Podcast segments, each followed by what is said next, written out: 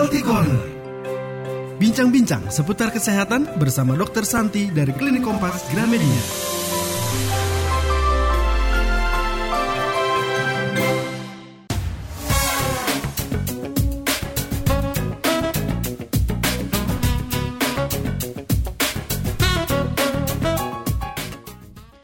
Sonora FM 92 Jakarta, News Traffic and Music. Masih ada Anton dan Fidel kali ini hadir di acara Health Corner. Mhm. Malam hari ini kita akan ngomongin apa, Del? Ngomongin tentang penyakit yang harus dihindari dan biasanya ini kalau misalnya sudah usia-usia lanjut. Betul. Mm-mm. Cuma dulu tuh usia lanjut. Oh, sekarang? Makin muda nih udah bisa Oke. terkena. Kita lagi ngomongin tentang penyakit stroke. Iya. Ya kan? Kita hari ini topiknya di acara Health Corner adalah bahaya stroke. Dan tentunya kita nggak cuma berdua minus kepala sekolah, tapi ada plusnya. Betul. Dokter Santi dari Medical Center Kompas Gramedia. Selamat malam dokter. Selamat malam, dokter. Selamat malam Fidel, selamat malam Mas Anto, selamat malam sahabat Sonora. Apa kabar? Luar biasa. Pasien banyak hari Sudah ini. mulai macet. Yang jelas kita akan ngobrol ya selama satu jam sampai jam 8 malam nanti. Hmm. Buat teman-teman dan sahabat saudara yang mau nanya seputar stroke ke Dokter Santi silakan bisa kirim ke nomor SMS atau WhatsApp 0812 112 9200. S T R O K.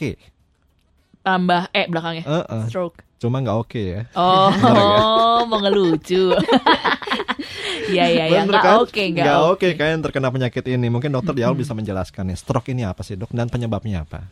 Stroke itu sebetulnya merupakan eh, penyakit di mana otak tidak mendapatkan darah Mm-mm. karena beberapa sebab. Oke. Hmm. Gejalanya tergantung bagian otak mana yang nggak dapat darah. Karena Hmm. otak kita itu seperti gardu PLN. Jadi eh, satu gardu mengurus daerah tertentu. Hmm. Oke. Jadi otak kita juga sama.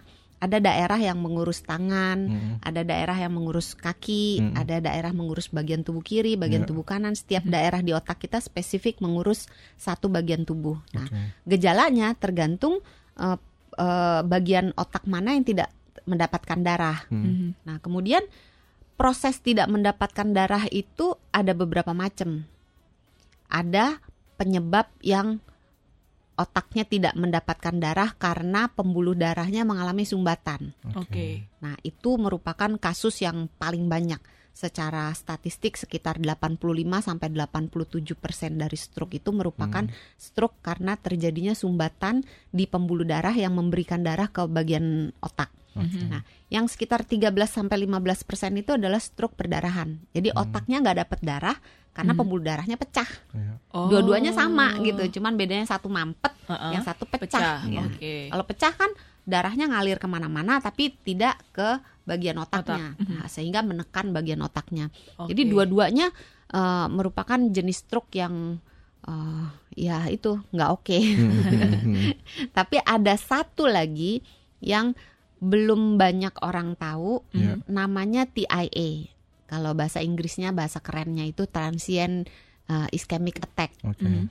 Kalau di kita eh, banyak yang menyebut sebagai mini stroke. Hmm. Jadi, Apa tuh dok? Kalau orang awam bilangnya gejala stroke, gejala Hmm, stroke hmm. gitu. Iya. Jadi dia merupakan eh, sumbatan yang terjadi, kebanyakan sumbatan ya, sumbatan yang terjadi di bagian pembuluh darah otak yang sifatnya sementara. Oke. Hmm. Jadi timbul gejalanya mirip seperti stroke gitu. Hmm. Hanya dia ada hanya hitungan menit, hitungan jam, paling lambat 24 jam dia kembali lagi orangnya sembuh sempurna gitu. Hmm. Tapi itu Tapi- berulang. Eh, nah, itu dia. Oh. Tapi hati-hati. Biasanya berulang dan berulangnya itu eh, biasanya Aha. antara dia berulang TIA lagi, Mhm. mini stroke lagi atau stroke beneran. Hmm. Oh, kayak awalnya tanda-tanda dulu Tanda-tanda, tiba-tiba stroke iya. beneran gitu. ya. Kalau- Oke, oke. Mas Anto tuh PDKT kalau ke cewek gitu Oh. ya. Udah tanda-tanda, udah Tanda-tanda ada ada tanda-tandanya Ah, gitu. ah. Jadi kita mesti hati-hati begitu mengalami gejala yang mirip stroke, Hmm. bukan berarti oh udah sembuh aman gitu. Biasanya kan udahlah gitu ya, Hmm. udah sembuh ini gitu, Hmm. terus nggak berobat salah besar. Iya. Oh, Karena oke. itu biasanya sepertiganya Hmm. akan menjadi stroke beneran dalam waktu satu tahun. Oke. Oke. Tadi kan dokter cerita di awal ya kalau salah satu penyebabnya aliran darah tersumbat ke Iya, otak. ke ya. bagian otak. Mhm. Kenapa bisa tersumbat dokter? macem-macem. Hmm. Bisa terjadi sumbatannya itu karena gumpalan darah, Gumpalan darah. bisa juga karena eh, lemak, Hmm. bisa karena eh, emboli udara, Hmm. atau memang pembuluh darahnya itu di dalamnya itu ada plaknya, jadi Hmm. ada kotoran-kotorannya, ada apa namanya eh, deposit di Hmm. dalam dinding pembuluh darah itu. Hmm. Lama-lama ya tambah tebel tambah tebel ya satu saat dia mampet. Waduh. Gitu. Jadi banyak sekali ya penyebabnya. Iya, iya. Hmm, hmm, Tapi sebagian besar ya itu kalau nggak plak eh, karena lemak, hmm. biasanya karena gumpalan darah. Oke. Cuma ngomong-ngomong kalau dari, dari gender yang paling banyak terkena eh, laki-laki atau wanita dok? Dan kenapa Biasanya demikian? sedikit lebih banyak di laki-laki. Hmm. Eh, tapi bukan berarti kaum perempuan harus berbahagia karena angka fatalitasnya lebih tinggi di perempuan. Wah. Oh, jadi angka fatalitas lebih tinggi di perempuan, tapi Perempuan kasusnya yang kena stroke eh, lebih banyak yang meninggal, Oh, daripada laki-laki. oke. Iya. tapi laki-laki lebih sedikit lebih sering terkena stroke daripada perempuan. Hmm. Hmm. Secara statistik ya. Ya. Cuma tingkat kefatalannya lebih fatal Iya, yang perempuan. perempuan, ya, dok Perempuan. ya. Oke, tadi kan Fidel di awal cerita ya kalau penyakit ini identik dengan penyakit orang tua. Padahal sekarang nih kecenderungannya mereka yang muda juga bisa terkena. Kenapa demikian? Nanti kita sambung dok ya. Betul. Siap. Yang jelas kita masih bicara mengenai bahaya stroke di acara Health Corner malam hari ini. Kalau teman-teman dan sahabat Sonora ada pertanyaan silakan. Anda bisa kirim ke nomor SMS atau WhatsApp-nya Sonora 0812 112 9200.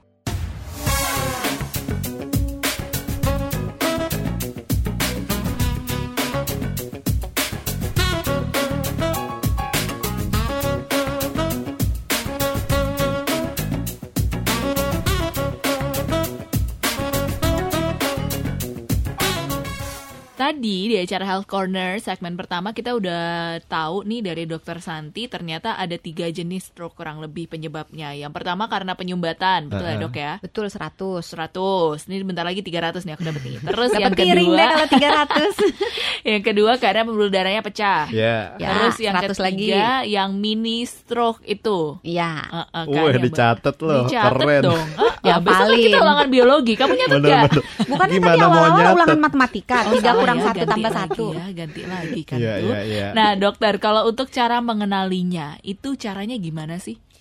Perlu jadi dokter nggak untuk mengenali ini stroke atau Nah. tidak gitu Waduh, ya? ribet juga ya. Iya, iya. Kuliahnya lama dokter. Kuliahnya lama gitu.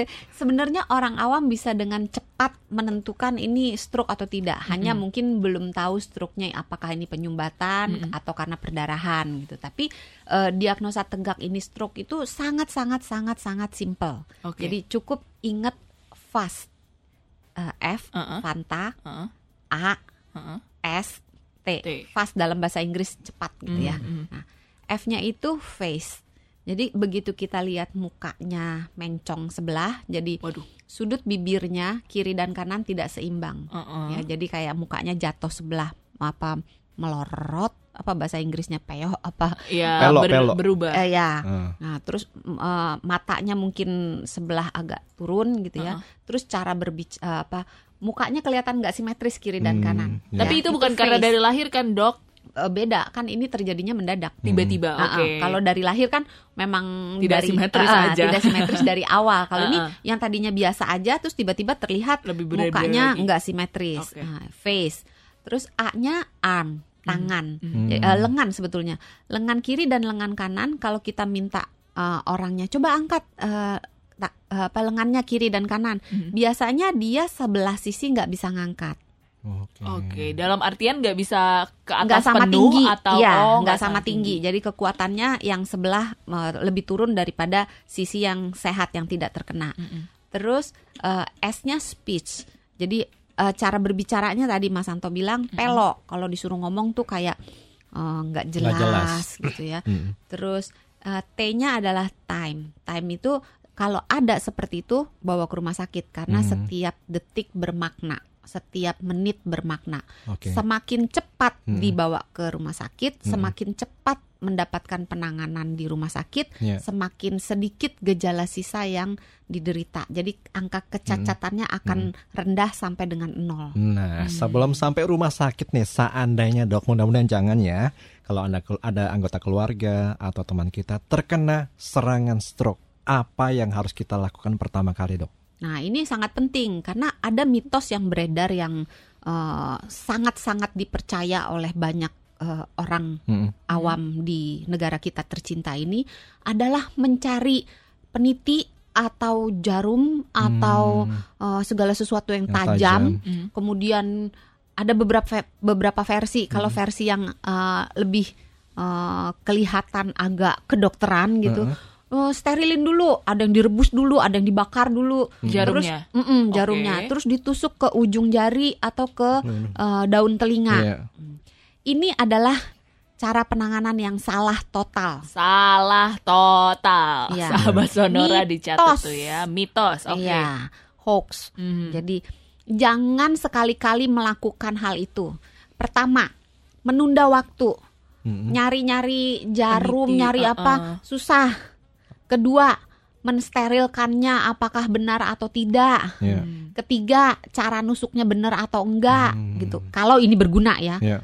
Keempat, nggak ada gunanya Hmm. karena sumbatan darahnya itu adalah pembuluh darah yang di otak, bukan Oke. di jari, Iya. jauh dari kepala ke otak. Betul. Apa dari dari otak ke jari itu jauh Hmm. gitu ya. Jadi nggak ada gunanya. Itu tidak akan membebaskan sumbatan yang ada di uh, pembuluh darah yang di otak karena yang di jari-jari dan di daun telinga itu pembuluh darah yang sangat halus dan nggak nggak bermakna. Iya. Jadi percuma, jangan dilakukan. Itu hanya membuat gejala sisanya semakin uh, karena makin lama ditunda dia gejala sisanya makin banyak. Iya. Karena otak semakin lama tidak mendapatkan oksigen yang ada di dalam darah, Hmm. semakin banyak kerusakannya, semakin fatal dan angka kematian akan semakin naik.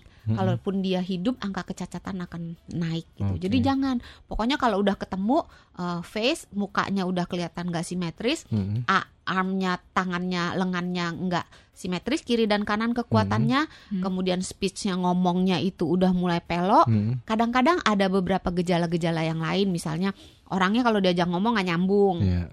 Oh itu Dia nyam- oh, bisa. itu bisa. Ah, ah. Kan tergantung bagian otak mana. Otak mana, Ah, ah. oke. Jadi diajak ngomong atau dia mau ngomong tapi nggak Susah, keluar-keluar kata-katanya nih apa gitu. Hmm. Jadi di kepala dengan di mulut eh, disconnect gitu. Oke. Jadi di kepala dia dia mau ngomong apa tapi di mulut nggak keluar-keluar gitu. Hmm. Atau misalnya dia pusing, eh, sakit kepala gitu ya. Eh, matanya ngelihatnya agak eh, Mm-mm. eh, Nggak fokus eh, ya. eh, penglihatan kiri dan kanan tidak sama Hmm. atau double penglihatan pokoknya ada gangguan penglihatan ada sakit kepala kadang-kadang eh, nggak connect gitu itu juga merupakan gejala-gejala lainnya dari Iya. stroke pusing Mm-mm. gangguan keseimbangan Mm-mm. itu juga bisa jadi Oke. kalau udah ngelihat kayak gitu sudah tegakkan diagnosa bahwa ini stroke Mm. langsung kirim ke rumah sakit tidak ada pertolongan Oh. pertama gitu langsung secepatnya kirim ke rumah ada sakit bisa jangan cari-cari lagi ya. Ah, ah, jangan cari-cari oh, ini itu ini itu nggak perlu oh. karena Hmm. yang dibutuhkan itu adalah secepatnya tegak ini eh, kalau memang sumbatan segera dibebaskan sumbatan melalui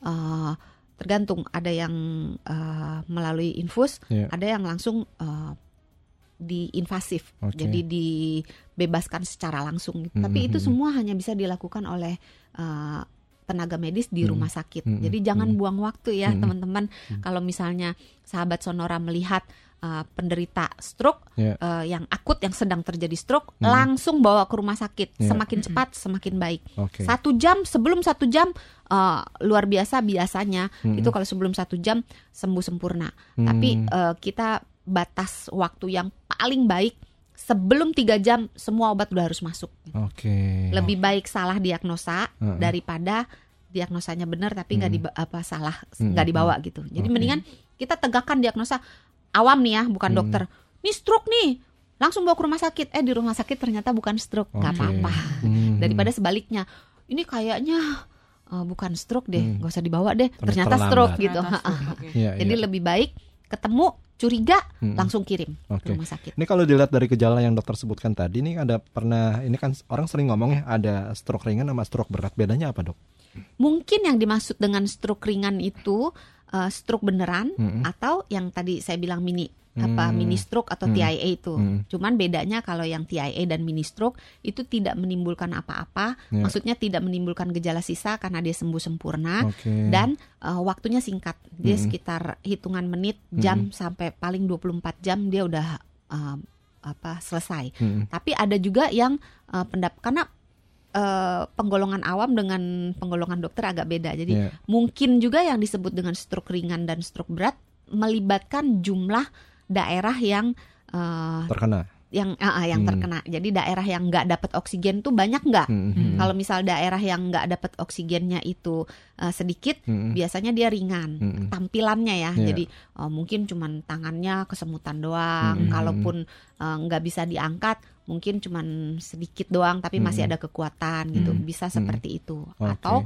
bisa sampai melibatkan daerah yang banyak ya Iya. udah gangguan penglihatan, Hmm, udah hmm. gangguan buang air besar, Hmm. tangan kaki nggak bisa digerakkan Iya. gitu. Oke, karena pernah ada pengalaman teman kantor dok ya, katanya tuh terkena ini stroke ringan, jadi pasca dibawa ke rumah sakit, ya eh, disebutnya stroke ringan karena eh, dia masih bisa ngomong ya, cuma meskipun agak agak-agak apa, eh, ya terbata-bata ngomongnya, kemudian juga ada beberapa bagian tubuhnya yang tidak sefit dulu sebelum terkena stroke, jadi nyebutnya stroke ringan nih. Mungkin itu mini hmm, stroke. Iya. Mm-mm. Oke, nanti kita sambung lagi dokter.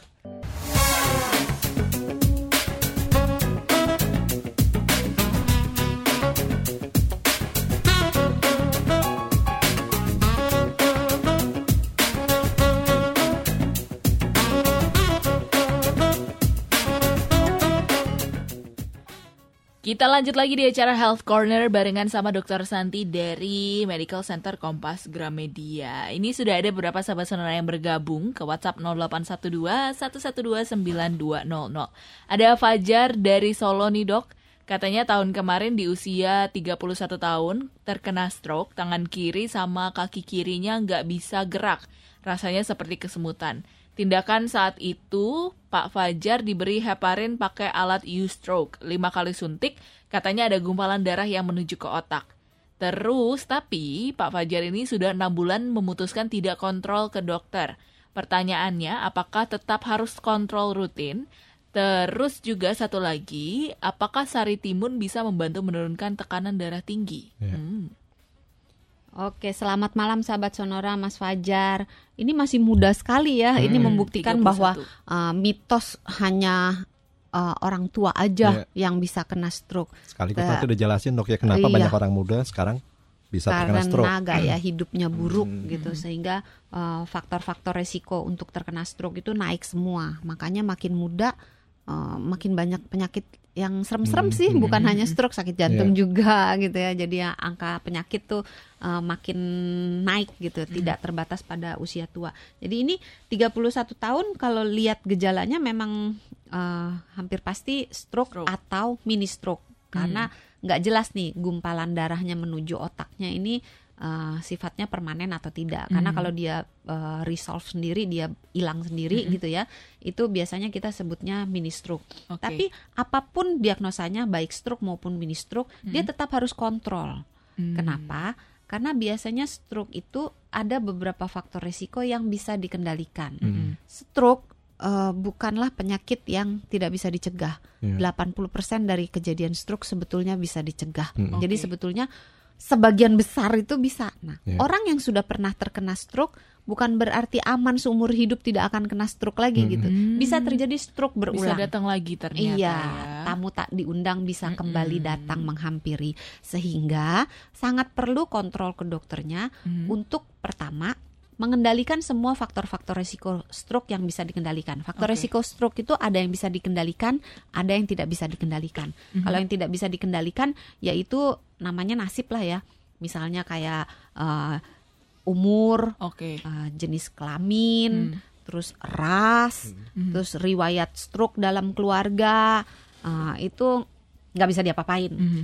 Tapi kalau misalnya faktor faktor resiko stroke yang lain itu bisa dikendalikan, misalnya darah tinggi, kolesterol tinggi, Iya. sakit gula, berat badan berlebih atau kegemukan, Mm. pola makan yang buruk, Mm-mm. merokok, Hmm. kurang gerak, Iya. nggak pernah olahraga, Mm-mm. tidur nggak cukup Iya. gitu atau tidurnya ada gangguan tidur, sindroma metabolik. Jadi banyak faktor-faktor resiko yang bisa dikendalikan dan Oke. ini membutuhkan penanganan seumur hidup Iya. baik dengan obat maupun dengan uh, mengubah pola hidup Iya. dan sebaiknya dalam pengawasan dokter gitu. Jadi Waduh. jangan lari dari Iya. dokternya, Hmm, kembali ke ya. dokternya. Ah, yang pertama itu untuk Hmm. mengendalikan faktor resiko. Hmm. Yang kedua untuk memonitor kemajuan eh, karena biasanya stroke itu ada gejala sisanya. Ini Mas Fajar nggak bilang ada gejala sisa atau enggak. Hmm. Nah kalau ada gejala sisa, kadang-kadang mitos mitos lagi nih Hmm. yang beredar bahwa oh kalau stroke itu penyembuhannya paling sebulan, dua bulan, habis itu nggak bisa apa-apa lagi. Hmm. Ternyata stroke itu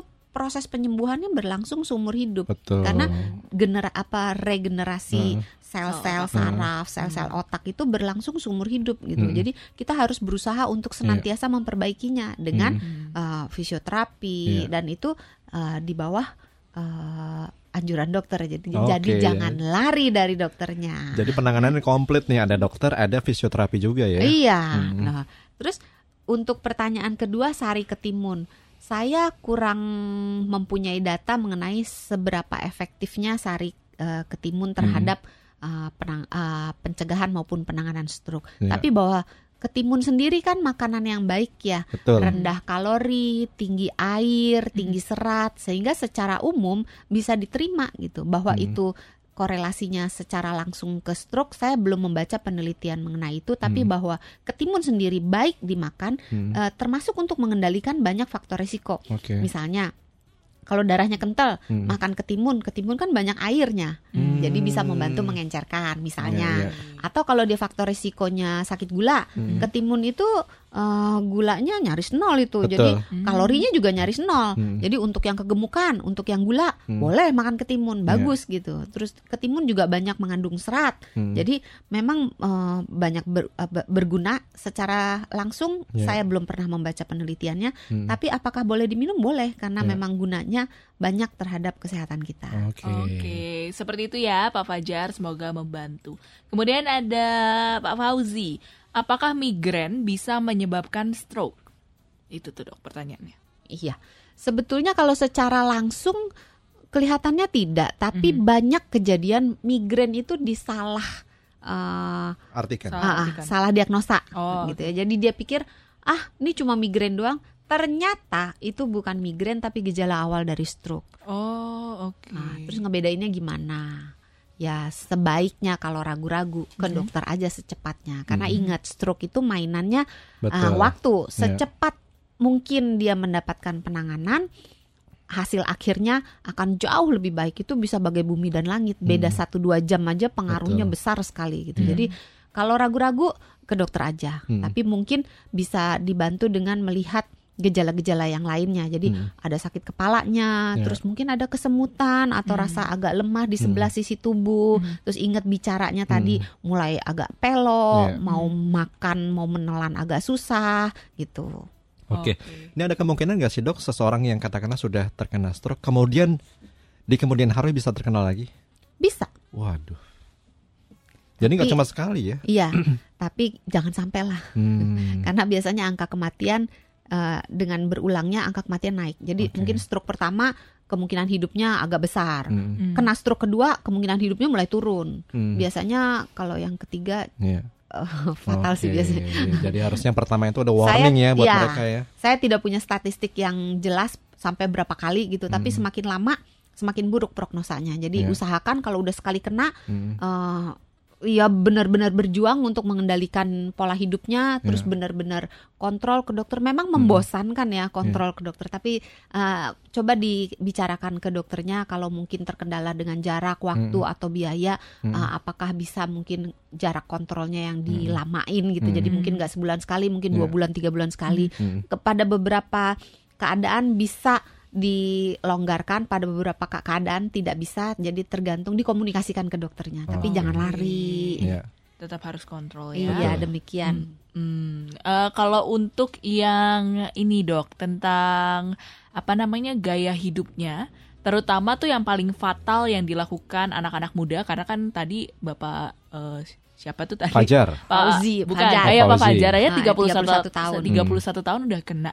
Paling fatal yang dilakukan tuh apa sih? Misalnya Faktor resiko yang paling faktor besar ya. resikonya, misalnya makan makanan apa gitu dok yang paling menyebabkan bisa terkena stroke tuh apa? sebenarnya stroke itu multifaktorial sih ya Mm-mm. tapi kita harus mm, menghitung berkaca pada diri sendiri berapa beresikonya saya. Jadi Hmm. eh, faktor risiko dibagi jadi dua yang bisa dikendalikan dan yang tidak bisa dikendalikan. Yang Hmm. bisa dikendalikan eh yang tidak bisa dikendalikan semakin banyak kamu punya eh, semakin hati-hati Ya. ya karena kemungkinan terkena stroke-nya semakin tinggi. Ya itu ya tadi umurnya makin tua makin beresiko. Hmm. Gender laki-laki sedikit lebih sering kena daripada perempuan tapi ingat perempuan lebih Faktor eh, Uh, apa tuh lebih banyak fatal. angka kematiannya Hmm. daripada yang laki-laki kalau terkena stroke. Terus ras pada orang-orang black uh, apa tuh? Kulit hitam. kulit Ah, gelap. Uh, negro. Negro. Iya. Tapi kalau negro kan kasar sekali apa tuh? Ya itulah ya. Nah itulah ya, itu resikonya lebih tinggi. Terus kalau misalnya dalam keluarga ada riwayat salah satu mungkin orang tuanya atau pamannya atau tantenya yang sedarah itu ada yang kena stroke, dia resikonya akan uh, tinggi. Tinggi. Nah Oke. itu kan nggak bisa diapa-apain. Mm-mm. Nah menyangkut pola hidup yang tadi Fidel tanya itu banyak. Termasuk yang sekarang lagi ngetren itu sindroma metabolik. Hmm. Sindroma Betul. metabolik itu badannya gede, Mm-mm. lingkar pinggangnya itu kalau perempuan di atas 80 cm, kalau laki-laki di atas uh, 90 cm. Hmm. Terus gulanya udah trennya mulai naik, tapi Hmm. belum cukup tinggi untuk Hmm. dikatakan bahwa dia sakit gula. Hmm. Terus kolesterol baiknya turun, Hmm. sementara trigliseridnya uh, naik Hmm. gitu ya. Terus tensinya udah trennya naik Oke. walaupun belum uh, dikatakan dia hipertensi. Nah, kalau dia udah kayak begitu, dibiarkan tidak diintervensi pola hidupnya, Mhm. uh, maka akan jadi beneran, jadi hipertensi beneran, jadi Ya. sakit gula beneran, dan itu merupakan faktor resiko untuk terkena stroke. Jadi hipertensi, uh, kolesterol tinggi, diabetes, berat badan berlebih, merokok, kurang olahraga, gangguan tidur dan sebagainya. Jadi kalau Hmm. ditanya mana yang paling Paling. berpengaruh, agak sulit gitu ya. Semuanya ternyata Iya semuanya. ya, Jadi Dok. kalau makan ya makannya harus yang benar. Hmm. Itu tadi tinggi. Jangan makan makanan yang ah, terlalu asin, Hmm. terlalu manis karena terlalu asin resikonya bisa memicu Hmm. hipertensi. Terlalu manis bisa memicu kegemukan. Sedangkan kegemukan faktor resikonya Betul. bisa memicu diabetes. Diabetes faktor resikonya. Terus terlalu banyak lemak, kolesterol naik, Iya. faktor resiko juga gitu. Jadi Hmm. makan hindari makanan yang eh, terlalu asin, Hmm. terlalu manis, terlalu berminyak. Oke. Oke. Terus harus makan banyak serat. Nah, olahraga juga. Kalau dia nggak pernah olahraga, jantungnya kan nggak terlatih. Peredaran darahnya buruk. Hmm. Resiko juga untuk terkena stroke Iya. gitu. Jadi harus Oke. Banyak bergerak. Tidur juga dan stres nih. Jangan banyak Hmm. stres, tapi kalau muda belum banyak stres kali ya. Uh, Atau bisa terbalik. jadi. Siapa bilang dokter? Oh, terbalik ya. Ya bisa jadi bisa jadi. Oke nanti kita lanjutin lagi perbincangannya bersama Dokter Santi buat sahabat sonora yang punya pertanyaan seputar stroke dan bahayanya. Silahkan sampaikan. Kita masuk di segmen terakhir Health Corner bersama Dokter Santi dari Medical Center Kompas Gramedia. Pertanyaan yang masuk banyak banget nih, mudah-mudahan terjawab semua ya. Ada Norman di Jogja. Bagaimana cara membedakan antara stroke dengan Bell palsy, dok? Hmm. Selamat malam Mas Norman, terima kasih pertanyaannya. Ini menarik ya, karena Bell's palsy itu eh, mukanya Mencong. uh, ya. mencong sebelah Hmm. gitu. Jadi mirip dengan stroke, Hmm. gampang banget.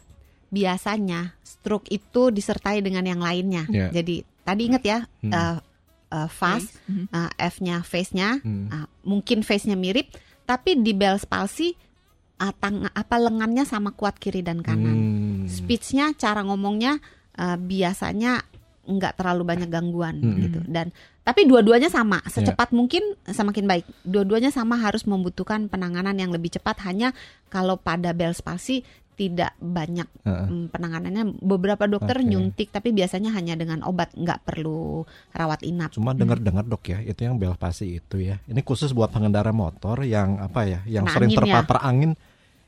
Itu resikonya besar dok. Betul Sampai demikian dokter. sekarang penyebabnya masih belum diketahui dengan jelas. Hmm. Ada beberapa yang mengatakan ini penyebabnya virus, sehingga sebagian besar dokter kalau Bell's palsy ngasih antivirus gitu. Hmm. Tapi sebagian juga mengatakan bahwa ini tak apa terlalu banyak angin Hmm. gitu, oh, jadi menyempit pembuluh Iya. darahnya misalnya gitu. Tapi secara jelas sampai saat ini belum diketahui Hmm, sih oke. penyebabnya.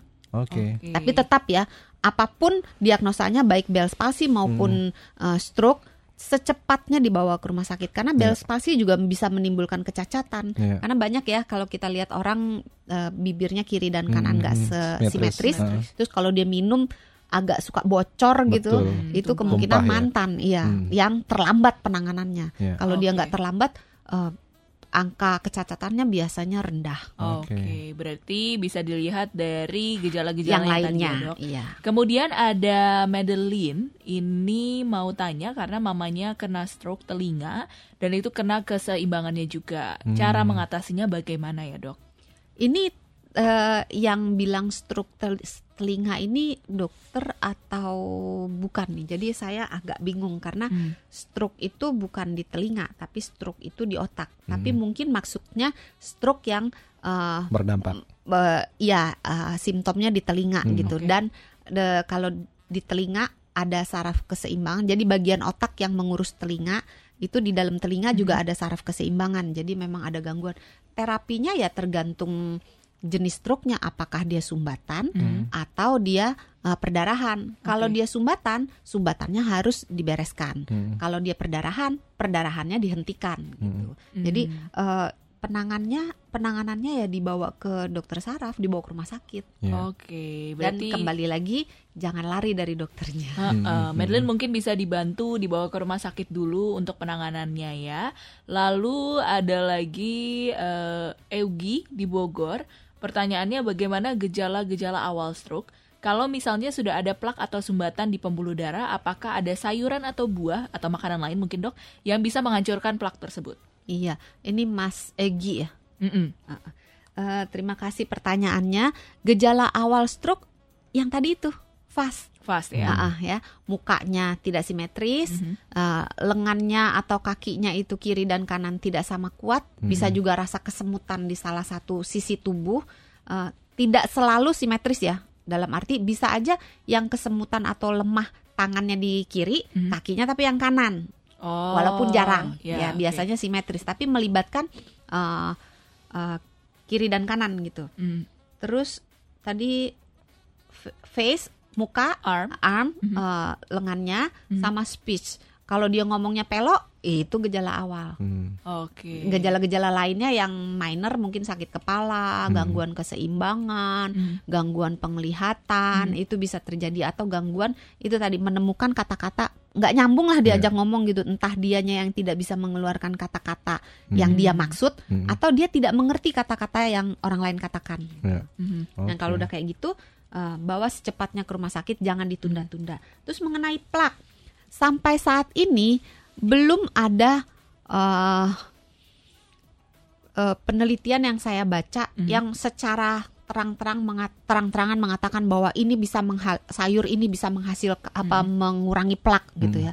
Tapi bahwa tidak menambah plak, jadi plak yang sudah ada, jadi jangan tambah tebel lagi itu semua sayur bisa Ya. Ya karena sayur eh, sangat baik untuk pengendalian kolesterol Hmm. karena serat musuhnya kolesterol. Ya. Nah, kolesterol itu bisa menimbulkan eh, apa plak di dalam pembuluh darah. Oke. Terus sayur biasanya rendah gula. Hmm. Nah, gula merupakan faktor risiko juga untuk eh, terjadinya plak gitu. Ya. Jadi makan sayur apa aja eh, bisa, Mhm. tapi bahwa itu untuk menghapus plak sampai saat ini saya belum membaca. Ya. Beberapa penelitian mengatakan bahwa eh, obat kolesterol anti kolesterol penurun kolesterol yang jenis statin bisa menipiskan plak. Tapi Hmm. kalau menghilangkan rasanya saya belum tahu ya. Ya. Tapi dulu saya pernah membaca satu penelitian di daerah saya lupa Korea atau Jepang. Hmm. Mereka menerapkan pola makan yang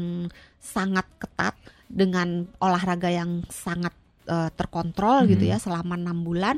Diteliti bahwa plak yang baru terjadi garis bawah baru terjadi Hmm. bisa menghilang. Tapi penelitian ini skalanya kecil dan Ya. sampai saat ini belum ada eh, penelitian dalam skala yang lebih besar yang Hmm. dilaporkan mengenai hal ini. Jadi saya Oke. tidak berani menjawabnya Baik. sebelum ada penelitian yang lebih lanjut. Oke. Baik, seperti itu ya Pak Ruben. Kemudian ada lagi, oke ini terakhir ya dok.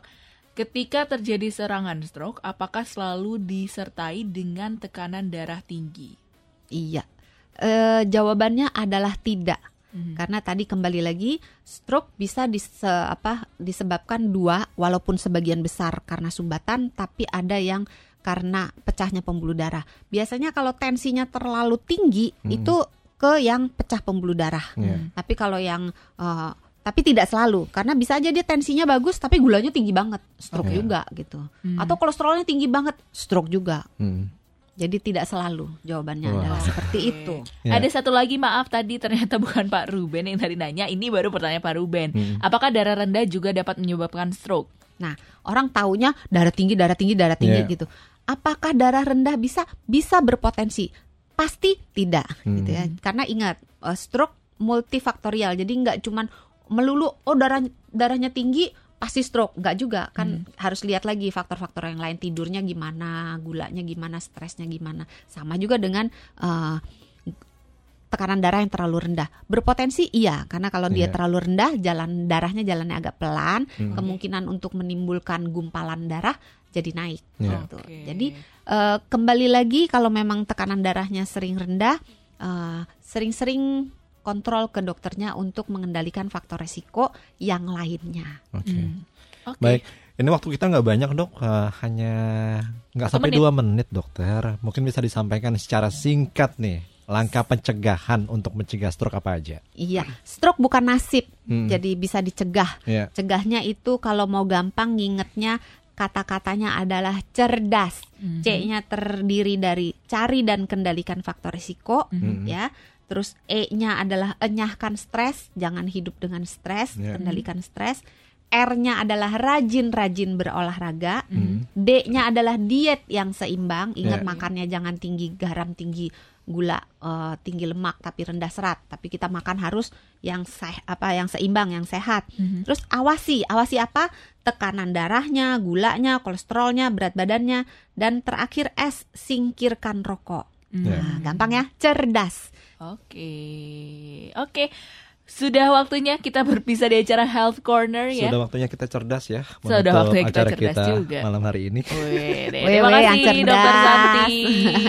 Mudah-mudahan apa yang kita bicarakan bermanfaat dok ya. Iya, semoga Pencegah itu jauh lebih baik daripada mengobati. Betul Oke. sekali dan lebih murah.